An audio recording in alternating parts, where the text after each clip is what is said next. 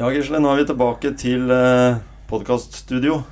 Og I dag så har vi fått en eh, nesten nabo på besøk vi, til deg. I hvert fall så kommer han fra samme område. Ja, Vi som kan si at Porsgrunn og, og type utover mot eh, der du vok har vokst opp, er. ja. Det er jo lov å si at eh, han kommer fra Stridskløver. Ja, ikke sant?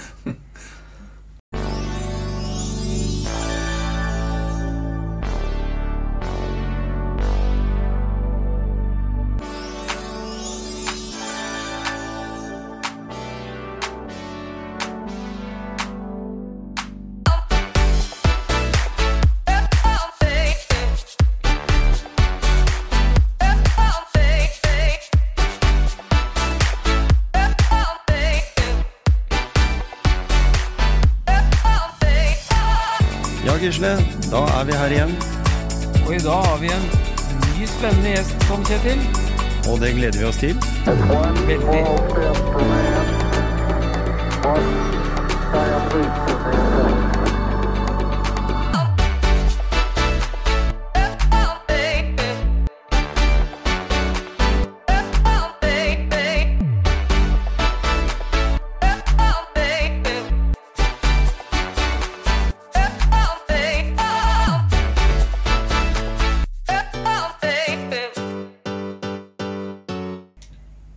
Gisle, da sitter vi her med eh, høvdingen blant alle ja, tilskuere innen de fleste idretter, vil jeg tro.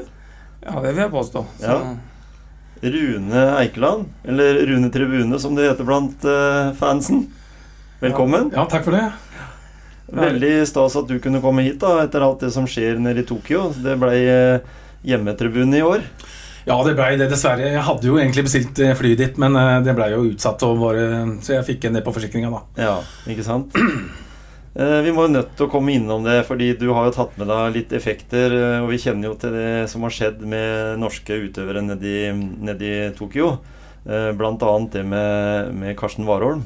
Det, det var et stort øyeblikk, for du har jo vært handshake med han på andre arrangementer. Ja, Ja. Nei, altså det hadde Bislett Games i 2017, da kom jeg i snakk med, med Karsten Warholm, for da var han sånn up, up and coming. Ja. Og liksom, eh, nå var det snart VM i 2017 og sånn. Og da, jeg kjenner jo Steinar Honit, så vi var invitert til Bislett i 2017. Da snakka vi han og ønska han lykke til i VM, da. ja. Og da, i VM i 2017 i London, Mm. så var det altså Han var jo en outsider, da, ikke sant? Men Ja. ingen som forventa han skulle vinne gull. Nei, og så vinner han gull, da. Det var så stor overraskelse. Så det var helt fantastisk, og siden det så har vi fulgt han eh, Ja, jeg var jo EM i Berlin i 2018. Vi dro faktisk til VM i Doha i, i Qatar i 2019. ja, ikke sant? Men, men jeg, eh, Rune, det har jo skjedd eh, mye før 2017 også. Og jeg tenker liksom Hvor starta hele med den idrettsinteressen, sportsinteressen din? Ja, helt fra derfra, ja. Mm, ja. Nei, jeg var jo veldig interessert i idrett. Jeg drev jo masse med idrett. Jeg gikk jo, gikk på ski, og jeg spilte fotball. Eh, Jeg gikk jo til Porsche som juniorspiller og spilte på junior- og B-laget der, men så jeg en, var jeg en stygg bilulykke som, eh, som 18-åring altså, når jeg var på juniorlaget til Porsche, og da da fikk jeg varig skade. eh, Så da, men da tenkte jeg da flytta jeg meg opp på tribunen. For det, og gir de som kan eh, utøve idretten eh, best mulig støtte. Så, og interessen min er jo enorm. Jeg har liksom lest, lest meg opp med masse historikk og kan mye om fotball, friidrett, ski, Ja, ikke? OL. ikke sant? Jeg kan mye om det. Alt og det interessen er kjempestor. Så da bare, Og det er midt i blinken for meg, så da bare koser jeg meg der. Så det vi ikke finner på internett eh, å søke opp, det kan vi snakke med deg om. Ja, det kan du gjøre. Men, men jeg men som vant OL-gull i 1904 og ja, ja. Og derfor så er det jo sånn at når du nå er på tribunen, så husker jo jeg når jeg var ung, eh, at det som var stort når eh, jentene i håndball eh, presterte, da, så hadde de med seg en sånn heiagjeng. Og det har jo de håndballspillerne ja, sagt. ja. Ikke sant? Og det var jo litt sånn den stilen du har også. Det var norske flagg, og det var eh, effekter, og det var Ja. Du har hatt med instrumenter på tribunen òg, du. Ikke, for det er, jo ikke, er jo ikke bare eh, nå, Når vi snakker om sånn verdensidretter og VM-er og EM-er og sånn, så, så er du jo en trofast sliter på Skagerrak også, er du ikke det? Jo da, jeg har vært masse Jeg har vært forsanger der i mange år, vet du. Ja, ikke sant? Og så har jeg med trompeten da på, på Nemlig. Med landslaget. Ja. Og det er jo, det er jo store øyeblikk, eh, fordi da vil jeg jo spørre såpass tidlig her i podkasten at eh, er det øyeblikket med Karsten Warholm nå noe av det råeste du har opplevd, selv om ikke du fikk være på tribunen der? Uh, ja, det, det, det, altså, det, er så rått. Og så friidrett Jeg syns det er så stort. Og jeg, jeg tenkte på hva er de fire beste tinga i friidrett noensinne. Og Karsten er en av de. For jeg tenkte at eh, eh, Usain Bolt da med Ja. 9,58 på 100 meter, den var, den var fantastisk. Og så hadde vi Michael Johnson når han satte verdensrekord på 200 meter Ja. på 1932. Da var da verdensrekorden 1966. Og, og over fire titler på 200 meter. Det er jo helt enormt. Ja. Men kanskje det største på, på, i friidrett noensinne det må ha vært Bob Beamans lengdehopp i Mexico 1968 med 8,90. Og Da slo han altså gjeldende verdensrekord lengde med over en halv meter. Ja, Det er mye, altså. Ja. ja. Og, og det er jo sånn, Gisle, at du er jo ikke helt fri for, eh, for resultater, du heller. Vi snakka jo her eh, før du kom litt om det med triatlon. Og det også har jo vært en gullmedalje i OL, hvis vi skal snakke om det, som har vært eh, sensasjonell, egentlig. Til å være lille Norge. Så om vi snakker om Karsten Warholm, så har vi jo mange andre ting og, som, som også har prestasjoner. Og gull er klart I Norge så er vi veldig opptatt av, av gullmedaljer. Men vi har jo hatt noen sølvmedaljer og, og noen veldig gode resultater også i andre, andre idretter. Mm. Jeg tenker, jeg tenker at eh, verden har blitt litt mindre, da. Så nå har jo nordmenn etter hvert eh, Når man blir litt eldre, da har du muligheten til å reise til, til andre land hvor Mm. det er eh, bedre temperatur, og du kan utøve idretten på lik linje med med de andre konkurrentene. da, ikke Og det samme også i fotball. Vi har jo fått kunstgressbaner, vi har jo fått haller. Så det er klart at det, når Rune eh, sprang rundt på stridsklev med ispigger, så, så var ikke det akkurat noe fordel eh, for fotballen. Da, da ble du ikke en tekniker, da måka du den ballen fort vekk. Du ville helst ikke ha den, for du ville ikke ha noen som sprang bortatt deg med det. Og så ble tråkka på og sånn. Nei, de har 80-tallet. Ja, jeg, jeg husker jo det at den, verste, eller den beste banen du kunne komme til på vinterstid, det var jo den derre nesten kålgrusbanen på Uredd. Ja. For den hadde jo Vi var jo vant til, vi også på Hercules, å spille med ispigger. Mm. Så vi kom jo med bukser inn i garderoben som var fulle av flenger etter eh, grisetakling på snøføre. Så det, det var jo rart at det gikk bra. Ja. Men, men allikevel, jeg tenker når vi er inne på den, den debatten der også, Rune. Dette her med arenaer og sånt noe. Det, det som du gjør, det skjer jo mye fra, fra tribunen. Men du ser jo også, vil jeg tro, anlegget du drar til. Merker du forskjell der for hvilket land du kommer til, eller hvordan ting er? Du sier jo Bislett er og den ser jo Utenfra så ser jo Bislett ut som en sånn 50-tallsarena, men, men den, den er jo ganske bra. I og med at Karsten greide å sette verdensrekord der rett før han lot OL òg. Ja, Bislett det, det gir en gjenklang. Det er ganske sånn kompakt eh, stadion. Ja. Og, ja, veldig bra stemning der. Mhm. Eh, Den beste stadion jeg har vært på sånn stemningsmessig, det må ha vært Mestalla stadion. Jeg så Spania-Norge der eh, for mange år siden. Ja. Den var så bratt, den. At det, for at jeg, jeg, jeg husker at de iuga de står, ikke sant. Mhm. Og noen sier De må sitte, ikke sant. Nå ser ikke de bak. Men altså på Mestalla stadion så sto jeg, og de som satt bak, de så kampen. Ja. Den var altså så bratt. ja. Og det var helt kompakt, den stadion. Eh, Kjempefin. Så, ja. Det, det har jeg aldri vært på så mange sånne baner, men jeg har vært på noen i England, og det er jo klart det er ulike forhold der. Og det, det gjør noe med liksom stemning også, den nærheten. Som det gjorde i norsk fotball når de fjerna løpebanen rundt og kom liksom tettere inn på, på banen. Så, så, så for min, mitt store øyeblikk var jo å sitte og se Norge bli kvali, kvalifisere seg i 94 Ja. på Ullevål. Eh, og da husker jeg var ganske så stor stemning. Og da fikk vi også sitte ganske tett eh, inntil til banen, da. Så vi tenker det at eh, når du har vært aktiv sjøl, og så ser vi mange av disse her uh, folka da som, som alltid prøver å Når Rune, Rune er på, på tribunen, så, så skal de bort til deg for å, som en del av seremonien, på en måte. Eh, så da har jo det gjort at du har fått eh, en del kallenavn. Eh, blant annet så har du jo blitt hetende Rune Tribune. Ja, og da må jeg spørre, når blei du døpt Rune Tribune? Hvor kommer det fra? Ja, det kommer fra en Oddekamp, faktisk. Ehm, For jeg tok jo initiativet på tribunen der når vi, når vi rykket opp i Altså Odd rykket jo opp i 98, og første sesongen i Tippeligaen var jo 99, etter de ryktene i 67.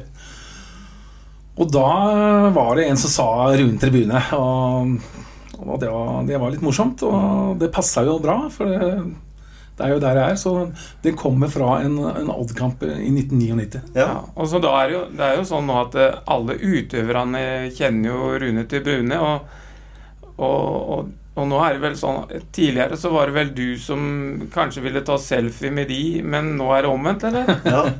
Ja, jeg blir jo kjent igjen. Jeg, jeg gjør jo det. Og faktisk de kjente, de, de store folka også. Kjendisene. De, de vet hvem jeg er, liksom. Og ikke bare fra Norge.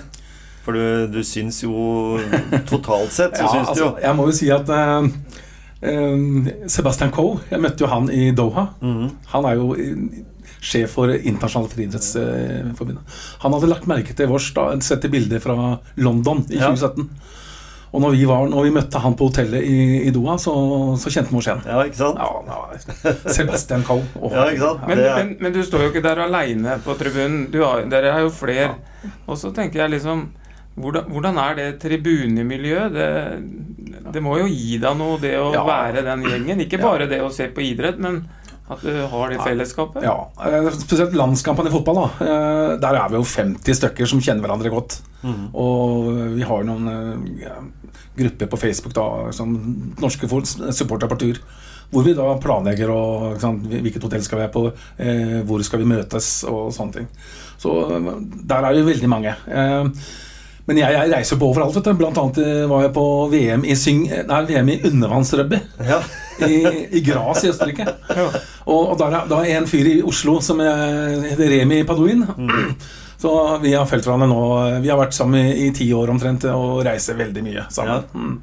For vi kan ikke være for mange heller. Når vi skal trenge oss på de beste plassene på tribunen. Ja. Vi kan ikke komme der med ti stykker. Vet du, fem Nei, stykker. Da, da begynner folk å lure, og da blir vi nekta. Ja. Men er vi to stykker, Ja. så er det bra. Og hvis du er aleine òg, så ser folk rart på deg. Ja. Men eh, to eller tre stykker, er det to, det er faktisk bra. Du kan ikke være for mange. Og så er det vel sånn at du, du må jo jobbe fram de beste prisene nå, ellers hadde du jo gått bankrott, tenker jeg. Ja, altså der har jeg noen knep. Ja, ja. Eh, altså, det setet jeg får tildelt på stadion, eh, jeg sitter jo aldri på det. Eh, vanligvis så er det veldig mye ledig på første rad, andre rad. Det er kanskje noen journalister og noen sånn VIP-folk ikke sant, som ikke møter opp og sånn. Og da ser jeg min, eh, da, da ser jeg min mulighet til å stikke fra der og setter seg der. Ja. Og det går eh, ni av ti ganger så går det bra. Ja. Mm. Og da, da er det jo lett å komme i kontakt med utøverne. Men tidligere, vet du, vi hadde jo en eh, i gata hos meg, han, Anders Tvegård, han var jo veldig opptatt av autografer. Ja. Og da tenker jeg, fins det fenomenet lenger, eller er det selfies Ja. som gjelder nå? Nei, nå er det selfies. Ja. Og jeg har jo samla en del selfies. Jeg tror jeg har nær- nærma meg 500 jeg nå, altså. Så jeg har vel eh, Ja, det er selfies som gjelder. Ja, men det er stort. Og i den pandemitida som vi har vært i, da, så har det jo ikke vært så lett å komme seg på ulike arrangementer.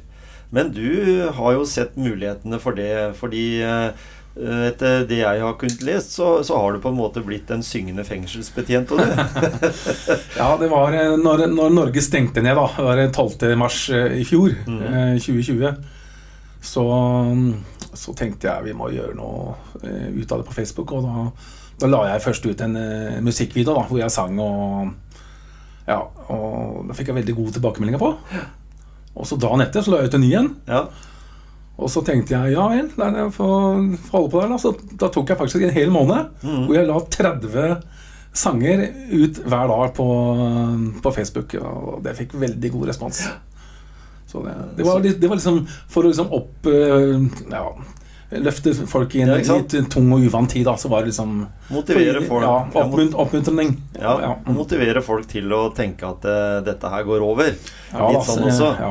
Og, nå, og nå, når, det, når det her går over, da, så er jo framtida. Mm. Og hva, hva er liksom planene framover? Hva er det du ikke har vært på som du Kall det setter på buckinglista framover? Ja. Det store eh, nå, det er jo bare et halvt år til. Det er jo, det er jo faktisk OL, i- vinter-OL, i Beijing i Kina i februar. Og jeg håper virkelig det blir noe av det. Eh, Det er det største framover nå for meg. Ellers så har jeg noen landskamper eh, som jeg kan få nå i høst. Jeg så den Latvia-Norge-kampen. Den skal gå 4.9. i Riga. Der står det faktisk at bortesupporterne ikke er åpna for ennå. Eller så har vi Tyrkia borte i oktober. Den kan bli dyr. Men så har vi Nederland borte i november. Ja. Eh, Så eh, to av de kampene må jeg, må jeg på. Mm. Og, og du er ikke redd for å stå blant uh, bortesupporterne heller, du, hvis de er bedre plasser? Eller, hjemme, eller hjemmesupporterne, hvis du kan si det sånn. For du Nei, i Tyrkia så tror jeg ikke jeg hadde gjort det, altså. Nei da. eh, nei, det er bare positivt, det. Eh, Ja. Smil og Ja, ja. Altså, det, Ikke sant? En, eh, en sindig nordmann Ja. som, som kommer på arenaen. Men nå har vi snakka om idrett. Du er jo ikke bare Altså, du har jo hjerne for andre ting, og du har interesse for andre ting òg. Melodi Grand Prix, hvis jeg sier det. ja, det kan du si. Du er god på resultater. Det er liksom deg og Per Jorseth eller sånn. Altså kunne mye tider og, og, og, og resultater og plasser og sånn. Ja. Eh, og da syns jeg det var artig å, å høre litt, fordi du har jo et klisterhjerne på alt sånt. Jeg pleier å si at eh, jeg begynte å interessere meg for Grand Prix når ABBA vant i 1974 Ja. med Waterloo. Ja, ikke sant? Og så kom eh, 1975 med 'Kisses for me, save all your kisses for me'. 1976 Nederland, da, med Ding, ding, dong. 1977 var Frankrike. 1978 Israel. Og 1979 Israel igjen. Halleluja, laula. 1980 Johnny Logan. What's another year? 1981 Buckfiss. I'm making my mind up. 1982 Nicole. Ambition Frieden. Ambition Frieden, ikke sant? 1983 var det ja, det var Luxembourg. Og 1984 Diggeloo Diggelay. 1985 det var La det svinge. 1906 Sandra Kim, 14 år, fra Belgia. Ja. Chave, chave, la vie. Ja. Og så videre. Og så videre og så videre. Ja. Men er, er, du sånn, er du sånn på det at du husker hvem som kom på tredjeplass det i år, eller? Uh, nei Det er vinnere nei, som teller. Ja, vinneren teller der. Ja. Men, men jeg husker ikke hvem som har fått null poeng og sånn. Nei. Jo, jo, det, det husker jeg. Ja. Nei, altså, det, er Norge, det har jo skjedd Norge tre ganger. Ja. Ja. Det er jo Jahn Teigen, da, Mil et mil. Og så var det jo han, han Tor Endresen. Var det et Brandenburg-tor, eller? Nei. Nei. det var jo ikke han. Det var San Francisco. Ja, ikke sant? San Francisco fikk poeng. Var ikke en som het Kjetil Stokkan òg? Jo, og så Sami Gjerdan jo Jo, Kjetil Stokkan om Romeo. Det var 1906. Men han fikk noen poeng. Ja, ja. Mm, Det var på hjemmebane. ja stemmer. Ja. Nei, det er stas, det der. Men eh, du har jo sagt litt om, eh, litt om hva som har vært liksom høydepunktet. Og du har jo vært på sånne småarenaer også, orienteringsmesterskap og sånne ting. Og det må jo være stas for de eh, type idretter der som ikke får så mye, mye fokus. Tenker du det at det er noen idretter nå, etter eh, norske prestasjoner Vi, er, vi begynner å hevde oss i tennis, Ja. vi gjør det bra i golf. Golf, Vi gjør det bra i friidrett, da, som Mm. sier. Også andre småidretter som Ja, ja triatlon er jo lite i Norge, men, men allikevel stort i verden. Eh, er det noen sånne små idretter som du syns burde fått litt mer plass, ut fra prestasjoner som, som det er? Orientering er jo en av de eh, som, Ja. som er krevende. Kasper Fosser nå, ung fremadstormende, vant over VM-gull nå sist. Ja. Eh, nei, det er helt fantastisk. Eh, Jeg har, jeg har vært på to orientering. Men eh, skal vi se eh, Når det gjelder det er undervannsrugby, da Mm. Jeg tror ikke folk skjønner hvor, hvor, hvor gode Norge er. For når jeg var der nede i Gras, så tok de gull for damer og, og sølv for herrer. ja. Altså i VM. Som du ikke hører Ja, det er jo ikke så mange lag med, da. Det er sånn Sverige Colombia er faktisk bra med. Ja, ja. Men de er verdensmestere, altså. ja. Og jeg tenker De som konkurrerer i de litt mindre populære idrettene, kall det det, da. De er jo like seriøse, de legger like mye i det, og de, de gjør jo gode prestasjoner. Så for meg så kan det være sånn at jeg tenker at det er vel, litt vanskelig å sammenligne prestasjoner òg, da. Ja. Men, men altså prestasjoner på bakgrunn av antall mennesker som driver og sånn, det, det blir Det er klart, det blir jo litt annerledes, da. Jeg tenker på han eh, som tok eh, sølv i slegge i går. ja. Altså, slegge eh, på vinteren. Hvor må du trene? Du kan ikke være i en halv der, vet du. Nei. Han er ute i drittvær, i snø, minusgrader, og, og trener eh, slegge. Og det er ingen eh, supportere som heier på den sleggegreia. Og han har brukt så mye tid. Han, har, han er jo faktisk den beste tekniske. Eh, han har jo ikke så mye ressurser som de store, sterke polakkene som tok gull og bronse. Eh, bare det Og så mye tid han kommer til å ha brukt på den slegga. Ja. Hvor, men folk har ikke, har ikke ensa det. Han, han, var, han var jo nesten ikke nevnt, han, Nei. eh, når vi skulle til OL nå. Så eh, Og ikke, og ikke er det noe særlig penger i det heller, Nei, nei, Det er ikke det nei. som er drivkrafta. Nei, han, har jo jobb hos Sina. Ja, Ja, altså, han har det. ja, ikke sant? Og det er jo veldig få av de eh, utøverne som er. Og jeg vet at det bidraget de får fra Olympiatoppen, er jo ikke all verdens. Det er ikke til å leve av. Med mindre du trener da og er eh, borte sammen med landslaget i 365 dager i året. så, så det er jo veldig ålreit at de får litt fokus nå. Fordi en trenger jo å huske de som tok eh, medaljer. Det er jo det som teller. Medaljer og poeng. Eh, og, og det er jo en ting jeg også tenker på sånn i, i, det, i det lange løp framover. Så skal vi jo nå se at eh, Karsten Warholm eh, skal løpe 400 meter flatt. Mm. Eh, før sending her nå så prata vi litt om eh, det med tider, og hvordan du Ja. kunne dele opp tider og sånn, og de prestasjonene som eh, som det er å løpe på den farta han hadde da Ja, det er jo fire 100-metere på rad Ja. eh, på 11,49. Ja, ikke sant? Med hekk. Ja, ja, ja. Mm. Men, men hva tenker du De, de, eh, de, det var jo eh, det, Sånn som det var i semifinalen på 400 hekk, da. Der, eh, der så det jo ut som at Hvalholm måtte jobbe for den seieren. Og så kommer han, og så, og så gjør han en så solid jobb i finalen og vinner så å kall det overlegent. Ja. Hva tror du er årsaken til det? Er det, er det mentalt, eller er det bare fysikk? Eh, nei, det er, det er sikkert alt. Det er, det er små detaljer fra minste. Eh, han har nok sett gjennom det, og han eh, treneren da, de har sett gjennom det masse. Men jeg la merke til i finalen da, så kom jo faktisk Ray Benjamin Ja, litt innpå mot siste To, hekken. ja, to Ja. hekker før slutt. Ja. Så var han på vei inn. Og, men så, eh, så så jeg han langa ut eh, Benjamin. Eh, mens han, Karsten gikk jo over fra 13 steg til 15 steg Ja. og fikk mye mer eh, Og fikk mye mer ja, større fart. Og fikk, over siste eken så dro han fra igjen.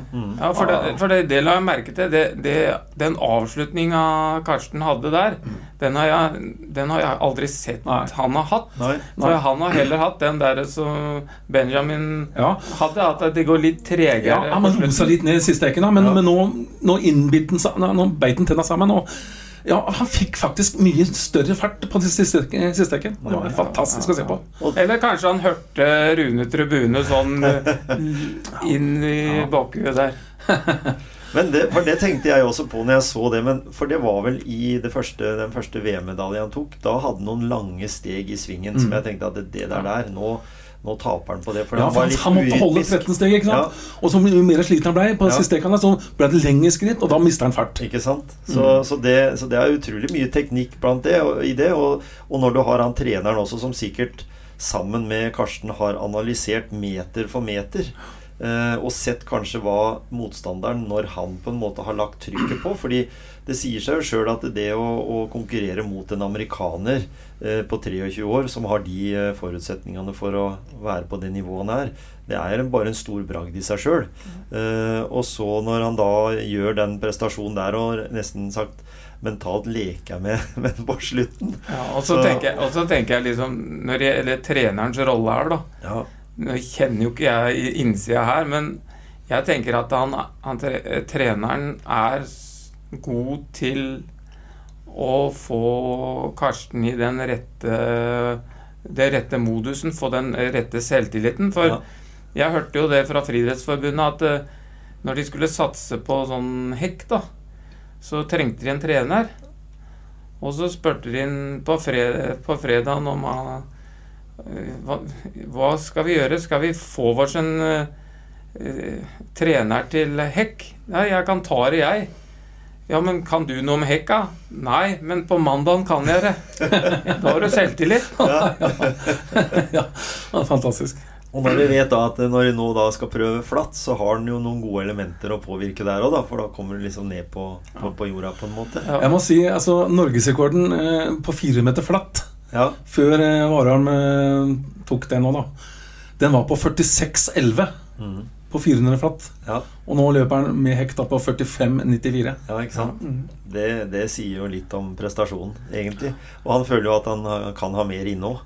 Så, så det sier jo ikke så reint lite. For jeg syns faktisk ikke det så ut som han tok ut det aller siste på de siste tre stega heller. Han var liksom Han hadde vunnet. Nei, det var nok eh, noe av det mest perfekte han, noen gang har han, han sa jo det, at det, eh, det finnes ikke det perfekte løpet, men nå er jeg litt usikker. Det virka som det var nesten perfekt for Ja. det som var nå. Altså. Ikke sant? Og det er jo noen andre utøvere her som jeg husker Tor Hushovd annet sa til meg en gang når jeg ga ut boka mi, at, eh, at det er ikke flaks å vinne med en, eh, noen millimeter hver gang ved spurten på, på sykkel. da Ja, ja, Sånn er det jo også i, i, i fri, på friidrett også. Og, og det blir spennende å følge både Rune Tribune og, og um, landslagene våre, og i det hele tatt alt, alle de prestasjonene som kommer til å komme framover. Eh, vi, vi hadde en liten prat her, eh, Gisle og jeg, og tenkte vi skulle liksom høre med Nå har jo en av de store olympierne i år eh, blitt pensjonist. Eh, Olaf Tufte har jo valgt å, Ja. å, å kutte ut. Og det er jo en stor prestasjon, det å være med i syv OL. Ja, er du gæren. Han er utrolig sterk og ålreit fyr, altså. Ja. Så, Det var synd det ikke gikk i i i år. men- ja, ikke sant? Ja. Men der også snakker vi om små marginer i en sånn teknisk eh, idrett som roing. Og roing er jo lite i Norge, men med de forholdene vi har, i forhold til mange andre land også. Så, så, så at Olaf har, eh, har lagt inn årene, det, det kan nok være at han kan hevde seg i, i, i noen sånn nasjonalt i, i andre fysiske idretter. Da, for han er jo en, et råskinn når det gjelder eh, trening. Han tåler mye trening. Ja, så var det ikke han skulle være med i VM i tømmesport? Ja, jeg tror eh, Olaf Tufte skulle det. For, Ja. Ja, vi, de, de må jo gjøre noe etterpå når du har, har så mye restenergi som uh, Olaf Tufte har. da oh, ja. Hvis ikke han skal gå til sprangridning, for der eh, kan du holde på til du er over 60. vet du. ja, Geir Gulliksen var 61, kom til finalen. Ja. Mm. Det er sterkt, det òg. Nei, men da har det blitt litt OL, og det har blitt litt eh, prat med deg, Rune. Kjempehyggelig at du tok eh, turen innom her hos oss på motivasjonspreik. Ja, men er det bare idrett du drar på, eller er det noen andre arrangementer du drar på? Nei, det er idrett. Det er, eh, ja, det er det. Men, men, ja, ja, ja, ja, nå skal jeg på Trångerfestivalen. Ja. Så, så festival, festivalen har jo åpna et lite, lite rom Ja. der for at den kan være med på det. Treungen er jo en sånn skikkelig, skikkelig, skikkelig trøkkfestival med mye, mye mennesker. Ja da, det blir bare 2000, da. eh, Men eh, det skal bli moro. Skal greie å få til stemning der også. Ja. Nei, men eh, tusen takk, Rune, for at du tok turen. Og så lykke til på de neste arrangementene du drar på. Og heia Norge. ja, takk for det. Hyggelig, hyggelig å være her. Ja.